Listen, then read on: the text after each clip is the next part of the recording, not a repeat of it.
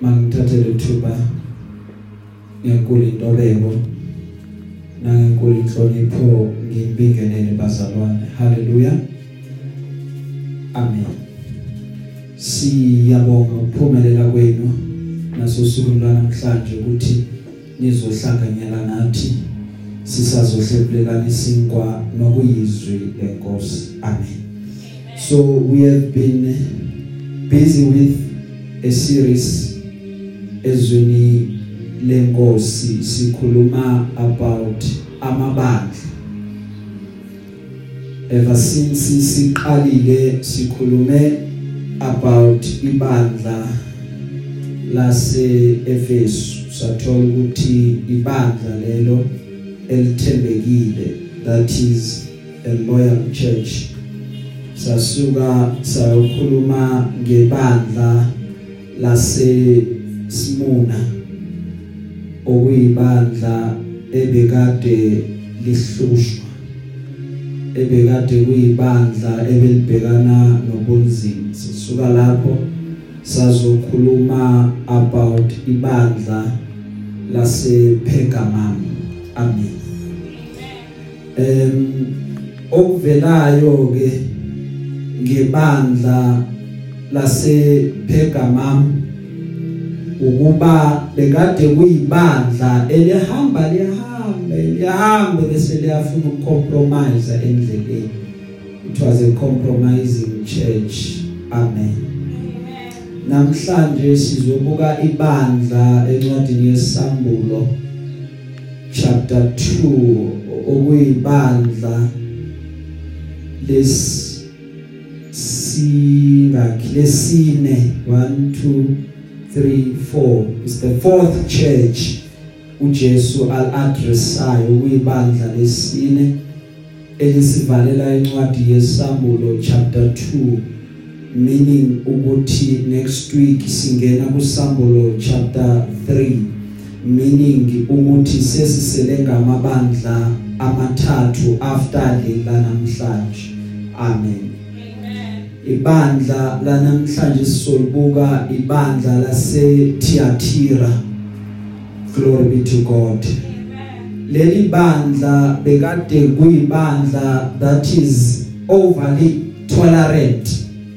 Ibandla eli tolerate into elibekezelela into ebhedayo isikhathi eside. Lingayinaki lingafuni futhi ukuthi lisuke kuyona noma lisuse labantu abahleli kuyona laba abonisa abanye abantu abaphakathi kwabo. But baloku bathi asibekezelele lokho asihlale nalokho siloku sithulile. Leli ibandla incwadi la uJesu akhuluma khona nabazalwane labazalwane ababhalelayo abazalwane abathatha impilo yokukholwa bayihlanganise nempilo yokungakholwa yobuhedeni ipaganism baphinde bayihlanganise nezwe baphilise okwezwe bona baphakathi ebandleni lakaNkuluNkulu. Amen. The book of revelations. Chapter 2 we are reading verses 18 to verse 29 glory be to God. The bible in english reads as follows. Write this letter to the angel of the church in Thyatira. This is the message from the Son of God, whose eyes are like flames of fire, whose feet are like polished bronze. I know all the things you do. I have seen your love, your faith, your service, and your patient endurance. And I can see your constant improvement in all these things. But I have this complaint against you. You are permitting that woman, that Jezebel, who calls herself a prophet, to lead my servants astray.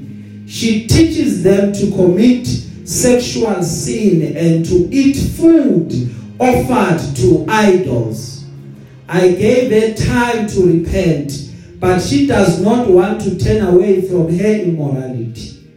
Therefore, I will throw her on a bed of suffering, and those who commit adultery with her will suffer greatly unless they repent and turn away from her evil deeds.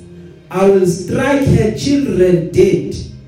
Then all the churches will know that I am the one who searches out the thoughts and the intentions of every person and I will give to each of you whatever you deserve. But I also have a message for the rest of you in Thyatira who have not followed this false teaching, deeper truths as they call them, depths of of Satan actually.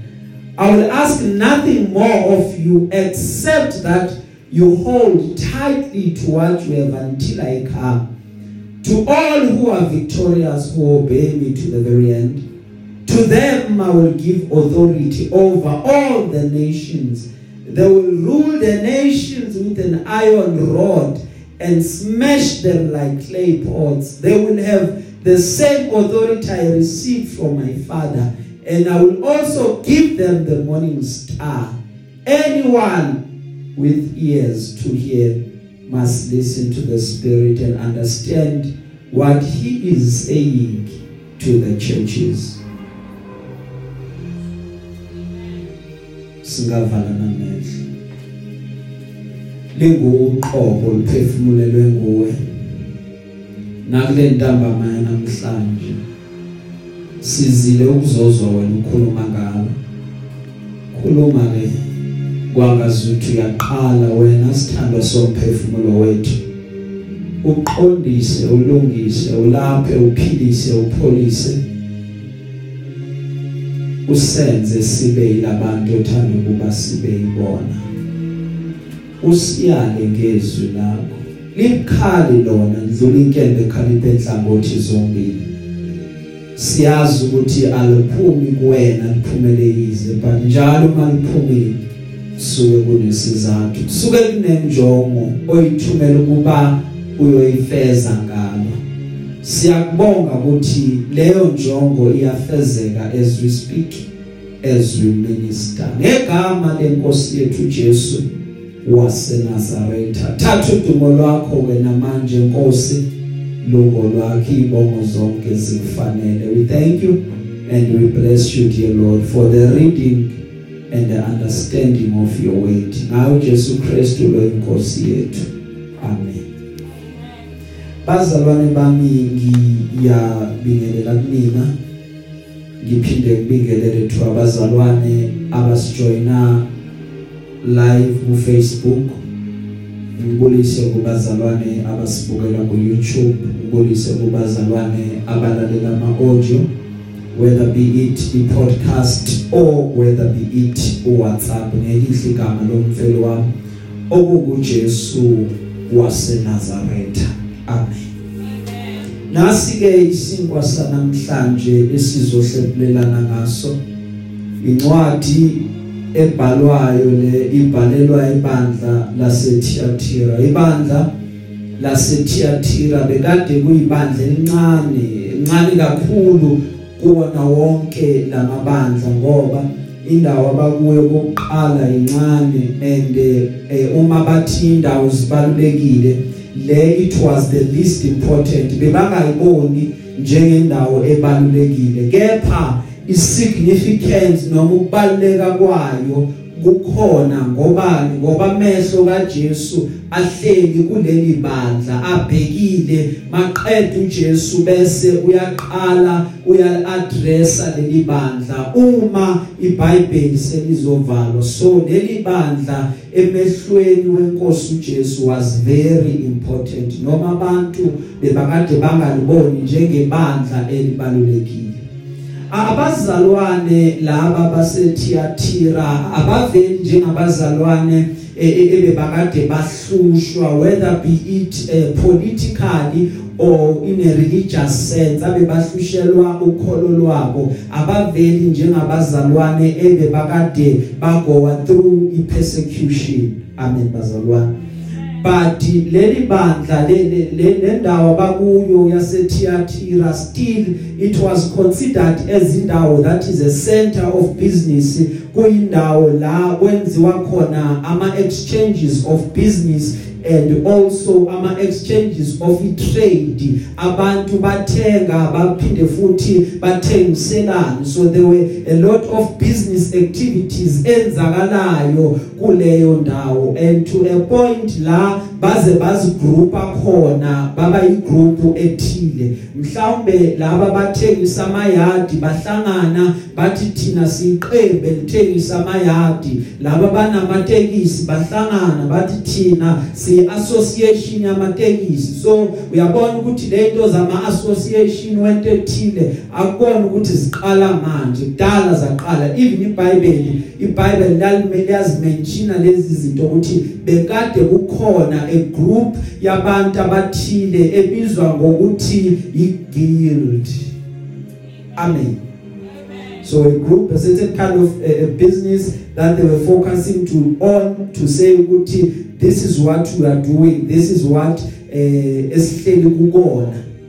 Amen bazalwane. Now that is why incwadini yezenzo izenzo zabapostoli siyathola iBhayibheli likhuluma ngoLydia. Eh iBhayibheli incwadi yezenzo chapter 16 iBhayibheli ikhuluma ngoLydia waseThiatira. Ulida waseThiatira ubekade ethengisa indwangu eziphephule because kulelo doroba into ebekade idumile ngalo ukuthi izinto ezakhiwayo kwakhiwa kakhulukazi idayi ephephule so kuphinde kwakhiwe namalaphu indwangu so indwangu eziningi zenani eliphezulu zequality zayitholakala eThiatira abantu they had to travel to go to eThiatira either bayothenga indwangu noma bathenga uhlobo oluthile leimpahla bekwaziwa ukuthi uma uthenga eThiatira uthe uphethe ungqo wangaleso sikhathi. Glory be to God. So last funda khona the first verse. Because udaba lude nyana so ngithanda nje ukuthi vele sisheshe singene kulona. The first verse uthi uJesu bhala loba lencwadi John uyilobele ingelosi yebandla laseThiatira i have said to you ukuthi uma iBhayibheli likhuluma about the angel of the house of Thiatira likhuluma about the pastor noma umfundisi. Waleyo ndawo. And then bese kuyachazwa ke ukuthi wena unjani? Labantu hamba nabo banjani? Mhlambe phakathi kwebandla enhlanganyele kulona ukhona uhlobo lwabantu olunjani. So now the distinction evelayo ukuthi okay kubhalelwa umfundisi webandla laseThiatira kokuqala lokho now lithi ke iBhayibheli lakamazwi aqhamuka from kwindodana kaNkuluNkulu. Le ndodana kaNkuluNkulu amehlo ayo inamehlo womlilo avuthayo. Now what does lamehlo omlilo signify? Signify they signify ipenetrating judgment.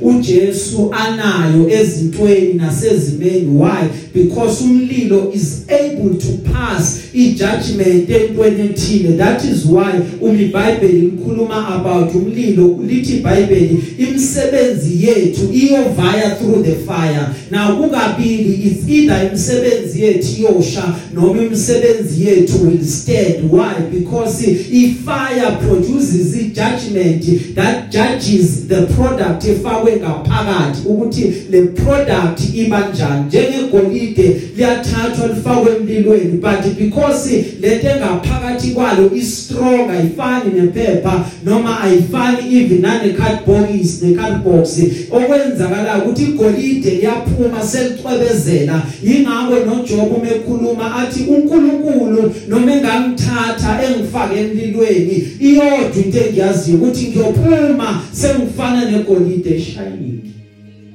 Because fire is for judgment is what God uses as a form of judgment. Because uthi Jesu mekhuluma athi ya amehlo ami abovu amehlo ami anomlilo. Maqeda athi inyawo zami zifana nebronze that is polished. Inyawo zami zifana nethusi. Lokho tells us one thing because labantu bakudala during those times bebakade bakholelwa ukuthi ithusi is the strongest metal that you can have. So ithusi was not easily moved bengalimali kalula. So uma uJesu athi inyawo zami zifana nethusi. It simply meant ukuthi uma emile his feet are very strong. Ama inyawo zakhe azimovi azimoviswa yinoma ngayini ngobani? Ngoba inyawo zakhe zifana nethusi that is polished. Amen. Amen. hallelujah. Amen. verse 19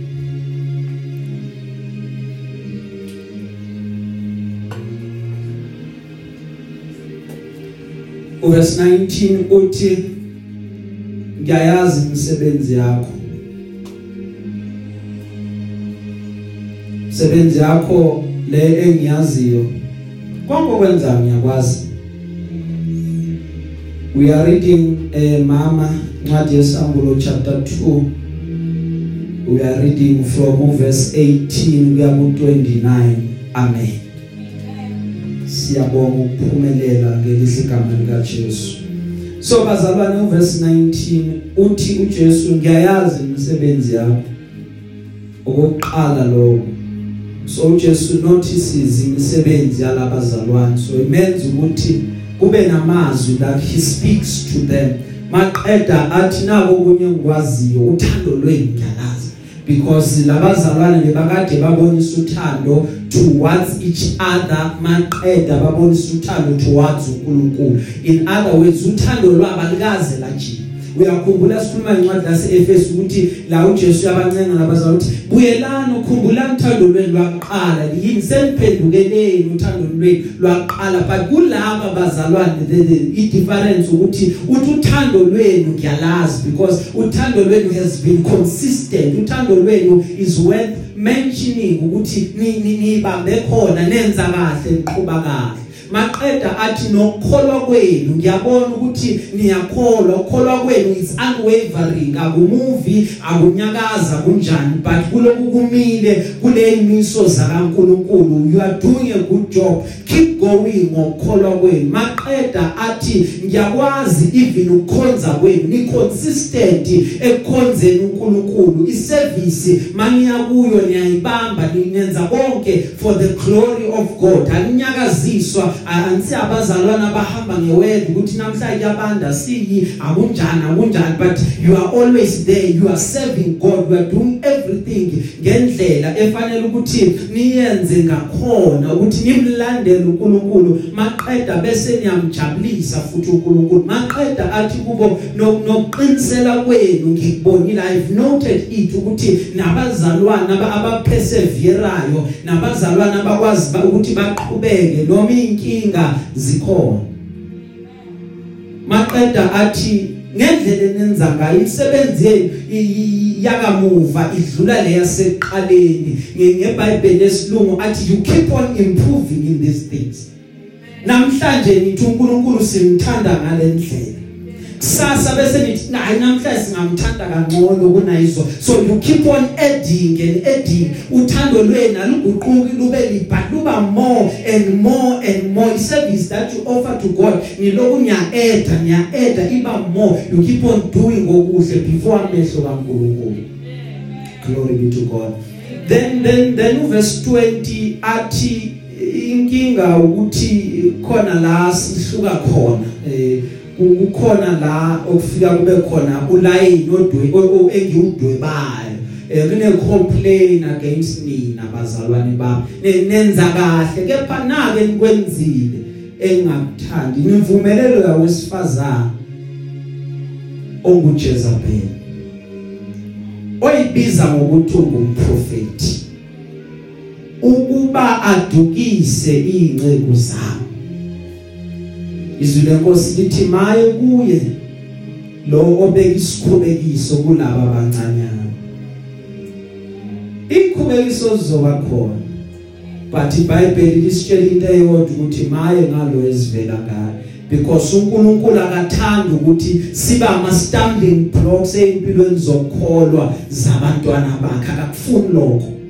Naw laba bazalwane ngendlela abatholerate ngayo eathi amanye ama manuscript bakholelwa ukuthi ababhalayo bakholelwa ukuthi lo iBhayibheli elimchazayo njengoJezebel akubona ukuthi igama lakhe bekade kuJezebel but in nature yakhe ufana noJezebel lo owadukisa isizwe sakaNkuluNkulu eTestamentini elidala. Icharacter yakhe that is why anikezwe leli gama kuthiwa uJezebel lo.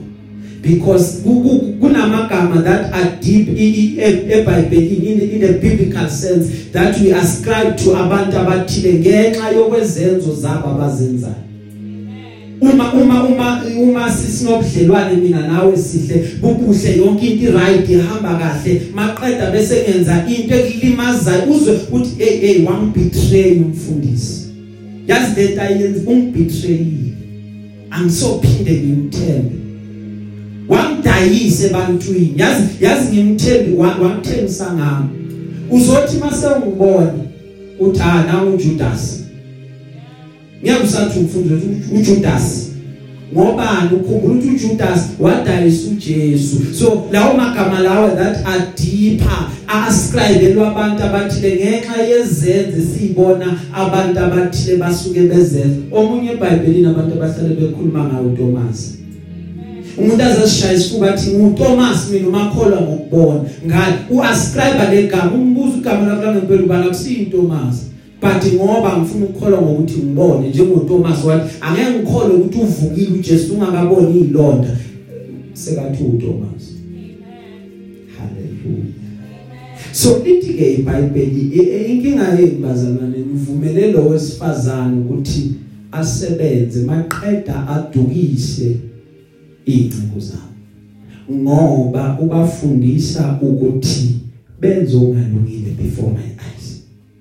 Ubafundisa ukuthi badle ukudla okuhlelelwe noma kulungiselelwe ama idols amen. Bafundisa ukuthi baphike ingcingo zabo.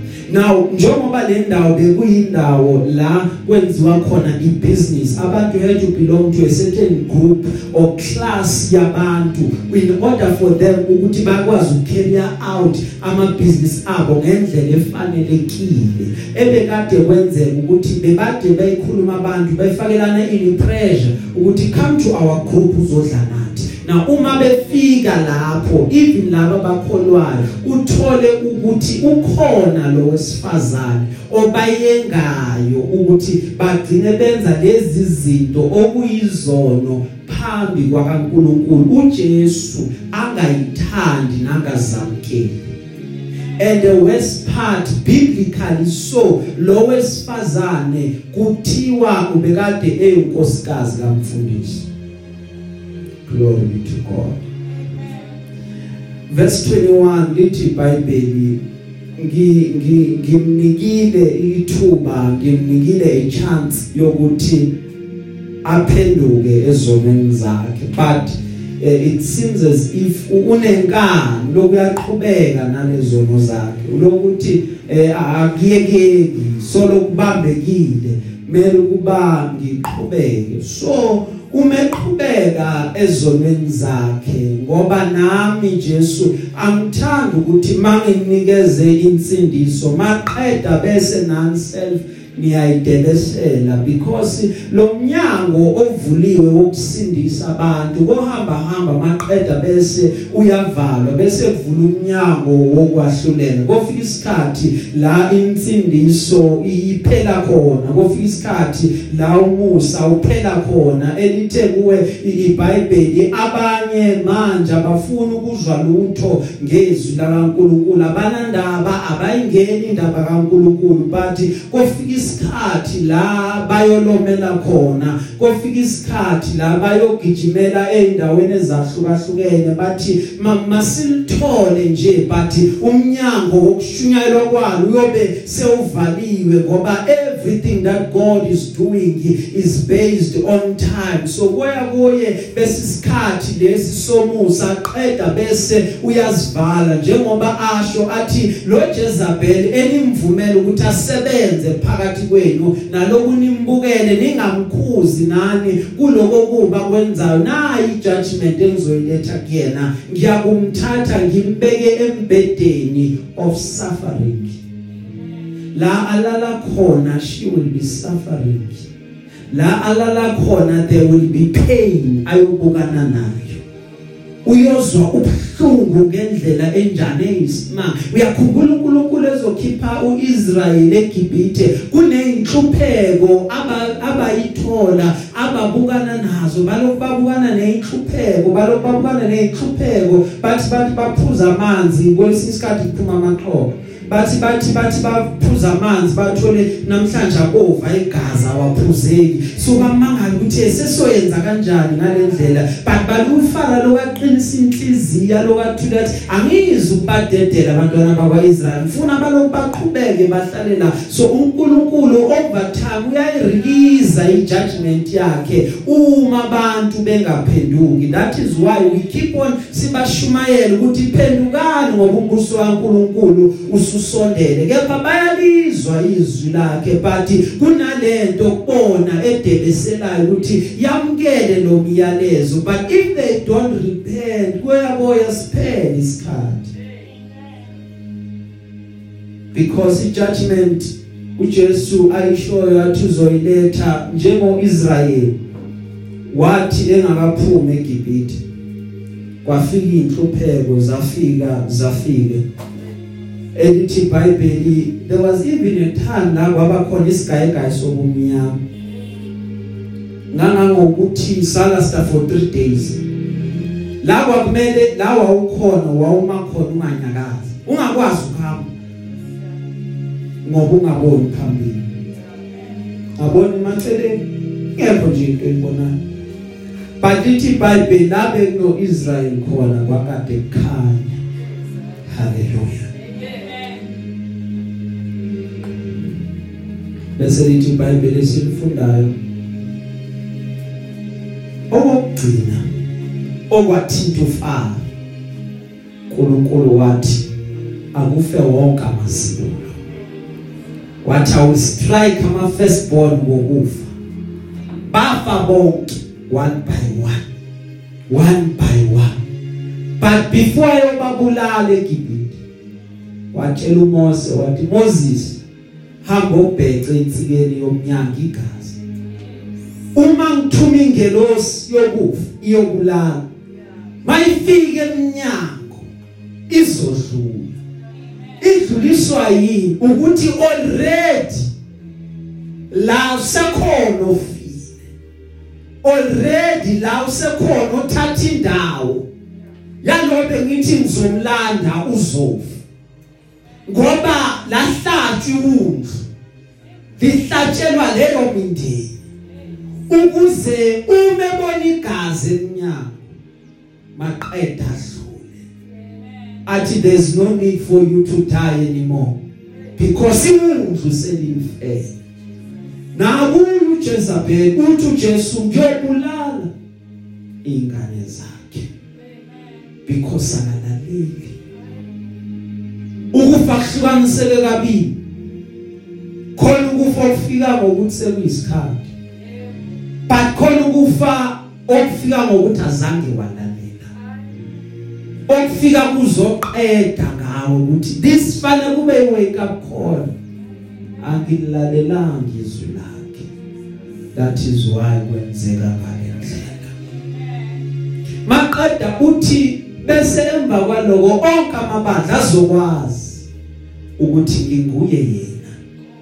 Okwazi ukuhlola the thoughts and the intentions. Nginguye yena okwazi ukuhlola inhliziyo maqeda vivinye izinto zomuntu. Ngiyakwazi lokucatshangwa ngumuntu.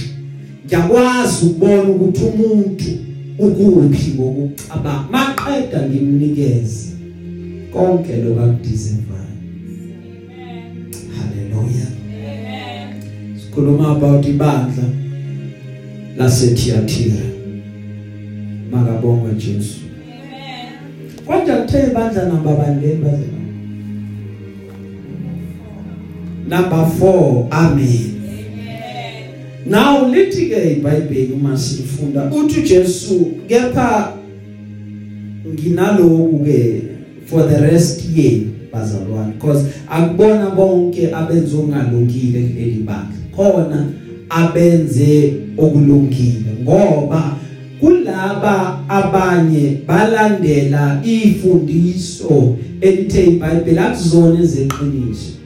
Because emhlabeni kuyimanje khona abantu abaphumile bafafaza izifundiso ongasizo zeqiniso uyimfundiso zamanga.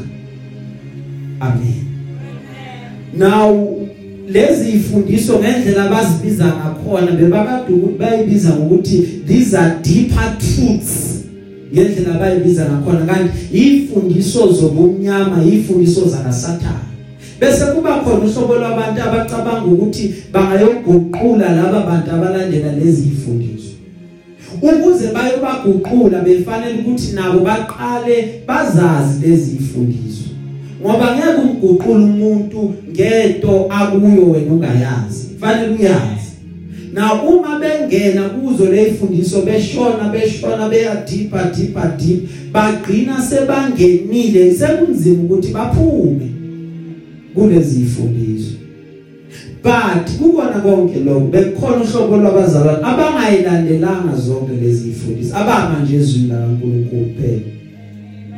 Now lithi ke iBhayibheli uthi uJesu neaddressa laba bazalwane uthi uJesu neaddressa thina njengebandla nina enibambile lokho kuyikona lokho kuyiqiniso bambelelani bambelelani kukona ngize ngifike.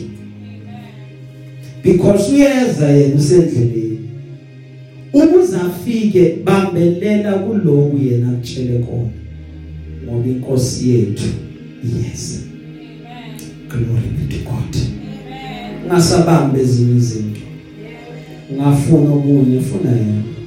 Uphelele yena ulungile enjalo. Take him at his way lokakushilo kunjalo kuphelele. Amen. Fana noMario wathi akubeki njengokusho kwezwi lakhe. Angifuni okuningi angifuni okunye. Only what you have spoken about my glory be to God. Sesiqeda ke bazalwane lithi ke iBhayibheli kubona bonke laba banqobayo everyone who becomes victorious everyone owinayo everyone odlulayo ezimeni awelele ngale ngaphesheya. Naku Jesu azokwenza. uJesu uzomnikeza amandla uzomnikeza iauthority yokubusa. Ngaphezulu kwezizwe zonke. Amen. Umebuya uJesu ubuya with iauthority ayoyinikeza abantwana bakaNkuluNkulu ukuba babuse ngaphezulu komhlaba. That is why iBhayibheli malikhuluma likhuluma about the kingdom of God. Ikingdom yini? Umbuso kaNkuluNkulu. Lapho kwenzakalani? Kuyabuswa lapho. We rule and we reign. Ngaphezulu kwabona konke ngoba even eqaleni umuntu bekade edalelwe ukuthi awubuse ini umhlaba. Umuntu bedalelwe ukuthi arule phezulu komhlaba. Njengoba uNkulunkulu arula ezulwini umuntu waba yiextension kaJehova ukuthi azobusa kuphi emhlabeni. Angabuswa izinto angabuswa izono but azobusa ngaphezulu kwabona konke. Kusho ukuthini lo kusho ukuthi even nezimo uyakhona ukuthi ubuse ngaphezulu kwazo. Kunezimo efanele ukuthi ukhulume ucommande maqeda bese izimo ziba njalo. Maqeda bese izimo ziyakulalela. Ungabi umzalwane osoft ongakhulumi oqede ayicommande izinto. Command things. Command even isibusiso ukuthi la ekhaya lami wonke umuntu ola ngaphansi kwaloluphahla ungobusisiweyo. Yonke indawo ahamba kuyo uyofika abantu babone ukuthi uhamba nje uthwele isibusiso. Amen. Hallelujah. Because kunezinto that if you don't speak them ezingeke zize za manifest empilweni zethu. Kahle kahle kuya ngokuthi wena ezuphila iluphi uhlobo lwempilo okhetha ukuba uyiphile? Kunezimo ezizofika zizokushaya zikuzwisa ubuhlungu eyimisela ukuthi yifike ngesikhathi esithile. But kudingeka ukuthi wena ubese uyabuya uyayitshela lezi zimo ukuthi ah ah so ngihluphe a very long time. It's time ukuthi you pack onke amasakana akho maqeda ubona indlela oweza ngayo uphume and bother me no more. Lithi iBhayibheli owesifazane wayekade nokugula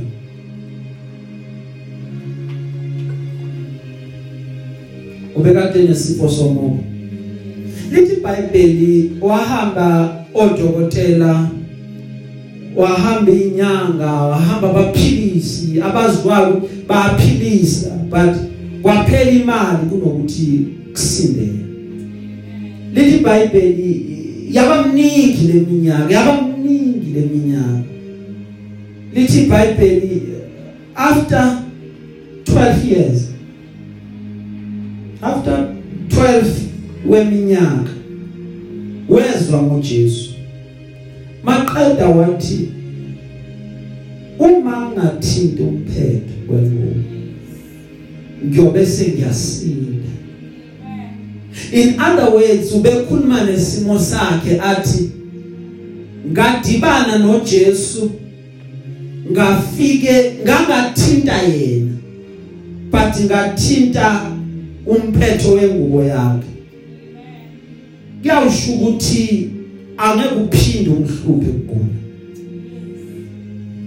and for sure mefika kuyena wenza netloko bathi bamile abantu abanye bafuna to rub shoulders with uJesu yena wathi cha mina ngizoshona emadolweni.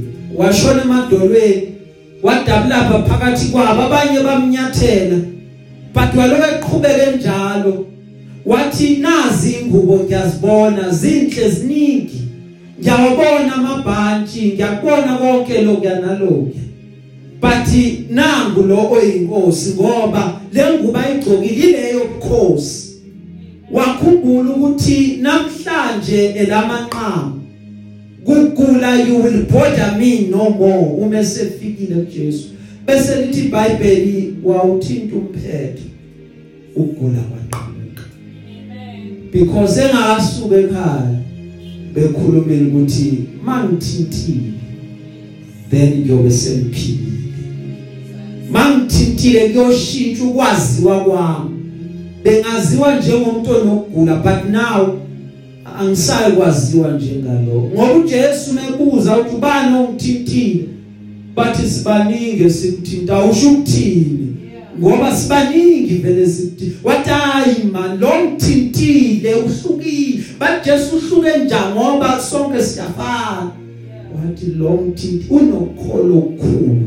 Ukukholwa akufani nokwabanye abantu. Abanye bebafuna ukuthi ngisondele abanye bebafuna ukuthi ngikhulume. Wathi lo i will just extend my hand then ukugula kuyathutha. Ukugula dibana ne expiry date yabo ngokuthi mina sengilula isandla ngabamba speak your word over isimo sakho. Speak a word phezulu ekhaya lakho. Lokho okufunayo ungakwamkela yanizwa ngithini? Angithi lokho okufunayo uzokuthola.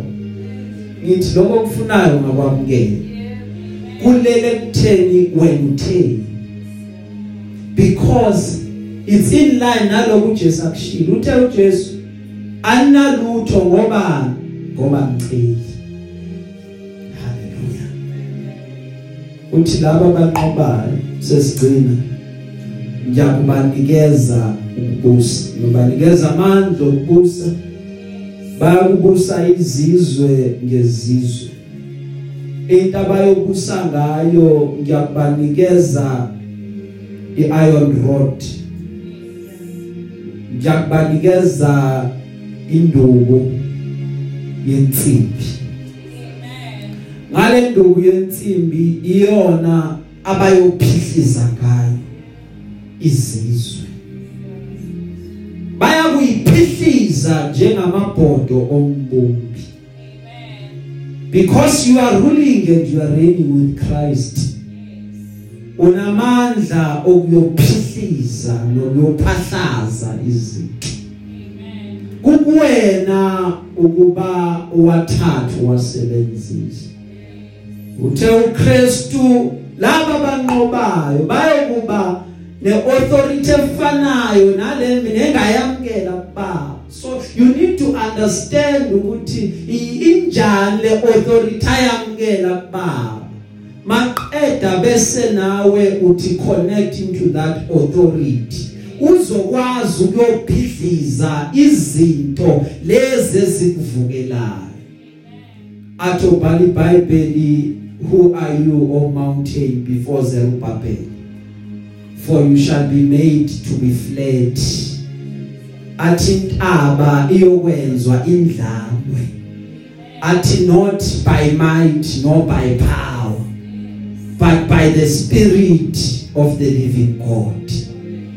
Akusiwona amandla ukwenza ukwazi kwethu but ngoba umoya ungenile kuthina siya understand ukuthi so commanding aba sithi abanqobule kolwandle maqeda bese indaba iyasuka because sisinikiwe iauthority ngoba singabanqobileyo. Lithi iBhayibheli uthi uJesu uma ngiqeda ukubanikeza that authority engiyithole kubaba nebagunyaza ukwenza izinto ngiyophinde ngibanikeze inkanyezi yokusa ngiyophinde ngibanikeze ikhwezi lokusa. Bekahle kahle yini lenkanyezi yini lekhwezi lokusa? Ngokwamaplanethi uma kubukwa bekuthiwa iVenus ikhwezi lokusa planet Venus amen. Ansawaza ama planet bazalwana ayingakho ama planet ayingaki awukho sure.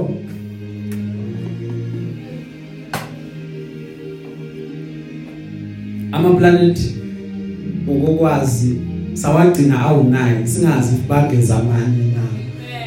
Amen. So uthi onqobayo ngiyakumnikeza the morning star. Biblically who is the morning star? Christ himself uKristu uqobo lwakhe uyena inkanyezi yokusa. Funa ngibonise ukuthi inkanyezi yokusa njani? Funa ngikukhombe. Uma umuntu eyolala sesigcina okay. Athi ngishaya ibese lokugcina bese ngikhomba inkanyezi yokusa bese siyakhuleka ne?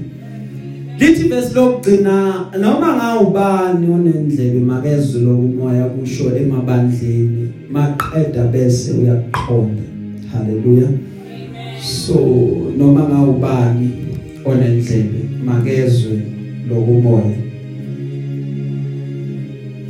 akushe emabandleni uyakhuluma umoya ukhulumile umoya.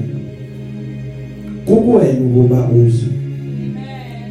Mhlambe uphakathi ebandleni mhlamba uphila impilo ejabulisa simakade mhlambe kunezinto obona ukuthi soluzama kepha ilungi but ever since uJanuary eqalile we've been adding to ukuthi onendlebe makezwe lokumoya akushe emabandleni because lezi zinto yizinto zokulandela akuzona izinto zokuyekelwa yizinto zokuthi mase uqedile ukuzwa uthi baba nginayo indlela mangizwe lokumoya okushoyo emabandleni. And nawe uyazazi uyakhona ukuthi kahle kahle le ndlebe yangazi ukuthi ayizwa baba ngenza ukuba ngizwe ngale ndlebe. Lokhu moya akushoyo emabandleni ngoba ngifuna ukuba ngomunye nami owamkela ini? Ikhwezi lokuza. Ngifuna ukuba umunye nami lo Christu athi I have given that person authority yokuthi abuse phezukwezizwe maqeda azaphule ngomgoqo ngemigoqo yensimbi amen. Morning star what is a morning star?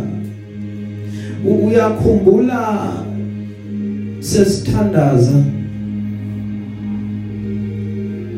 uJesu esesiphambanweni lithi iBhayibheli uma sesiphambanweni bavuma bathi lo uyinkosi. Angithi eh umhlaba wazamazama waqhephuka manje. Maqeda lithi iBhayibheli kwaba khona ubumnyama there was darkness. Ubumnyama bufika nini? Khuluma nami ubumnyama bufika nini? Fike ebusuku angithi. Ebusuku bese senza njani mase kufika ubumnyama siyahamba siyenza njani?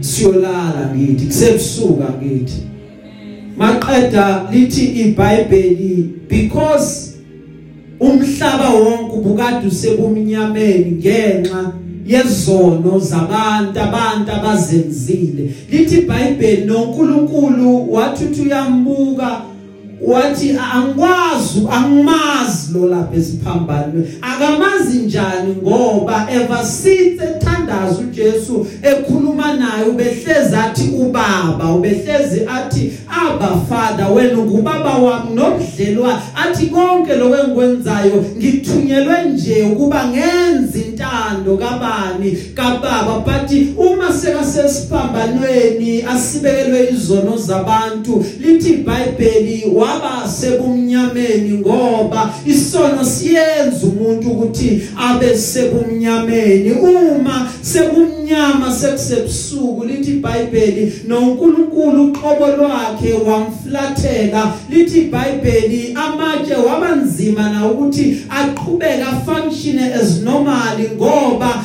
ayezwa ukuthi lo phezukwethu yilo owasidala yilo namandla manje ayikho into esingayenza ukuthi siqhephuke and submit under iauthority yakhe. Yize esenje maqeda lithi iBhayibheli umebona ukuthi uNkulunkulu akasambukanga ngakuyena. Lithi iBhayibheli wathi Eloi Eloi lama sabatha okungukuthi uNkulunkulu wami ungishiyeleni na? Ngoba upon your life kufika isikhathi la kuba khona mnyama khona kuyakhamba hambe fika isikhathi la kuba sebusuku khona. Uthi uyabuka ubona ukukhanya ungakuboni ngoba during the darkest times kula impilo uyibona khona. During the darkest times kula izinto futhi ivuka khona. Bonke ubuthakathaka. Bathi sebahambe bonke bayolala uthi uhleli wedwa kumnyama cishiwe kuthulile endlini besiyavuka leyanto ubone kahle ukuthi ngazuthi seyiba ingoma yami yasebusuku ngobani ngoba ubumnyama. Uyavuka ebusuku. Vesane kube mnyama.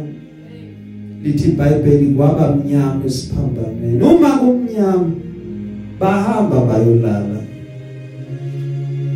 Uma behamba wathulwa esiphambanweni wafakwa ethuneni haleluya. Amen. wonke omunye umuntu wakhoza ukuthi lo muntu bekade ethini kuthina.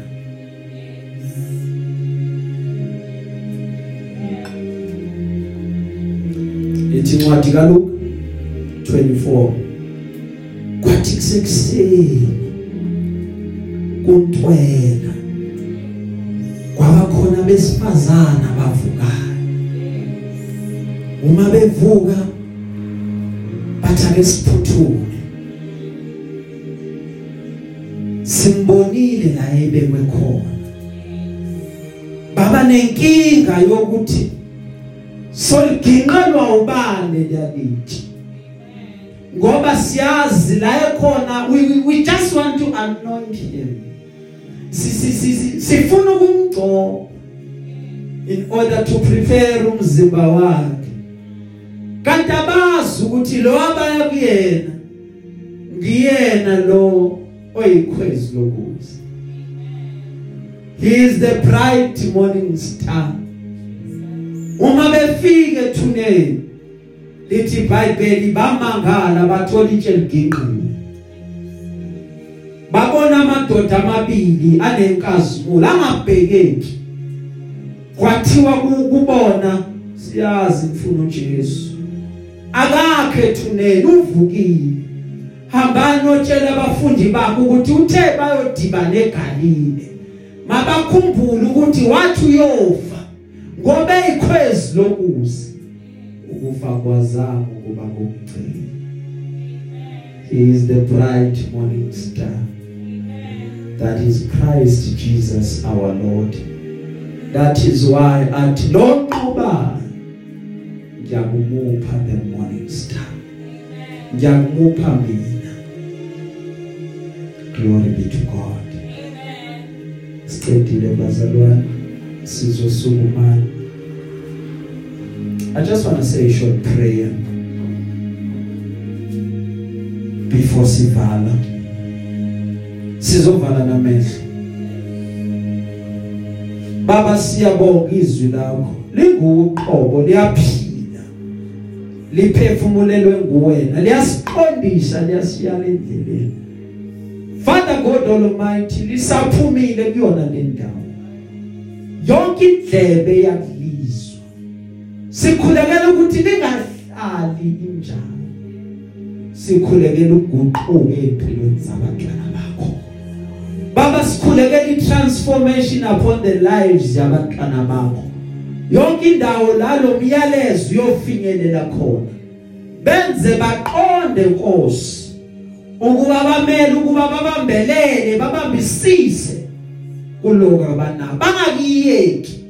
Bangagudluka eqinisweni lakho noma ngayizimo zinjani benze baqobe Nkosi because you have said ezwini lakho lonqoba uyakumuphi authority lonqoba uyamnikeza ingelosi yokusa Father, we thank you. Lord, we give you honor, praise and glory. Umuhle ulungile uthembekile. Ungefaniso ungelinganiswe nalutho. Mana njalo ke namanje. Kwenzekile konke Nkosi yabonga. Thatha udumo wesimakade namanje. Ngayo Jesu Kristu lo Nkosi yethu. Amen.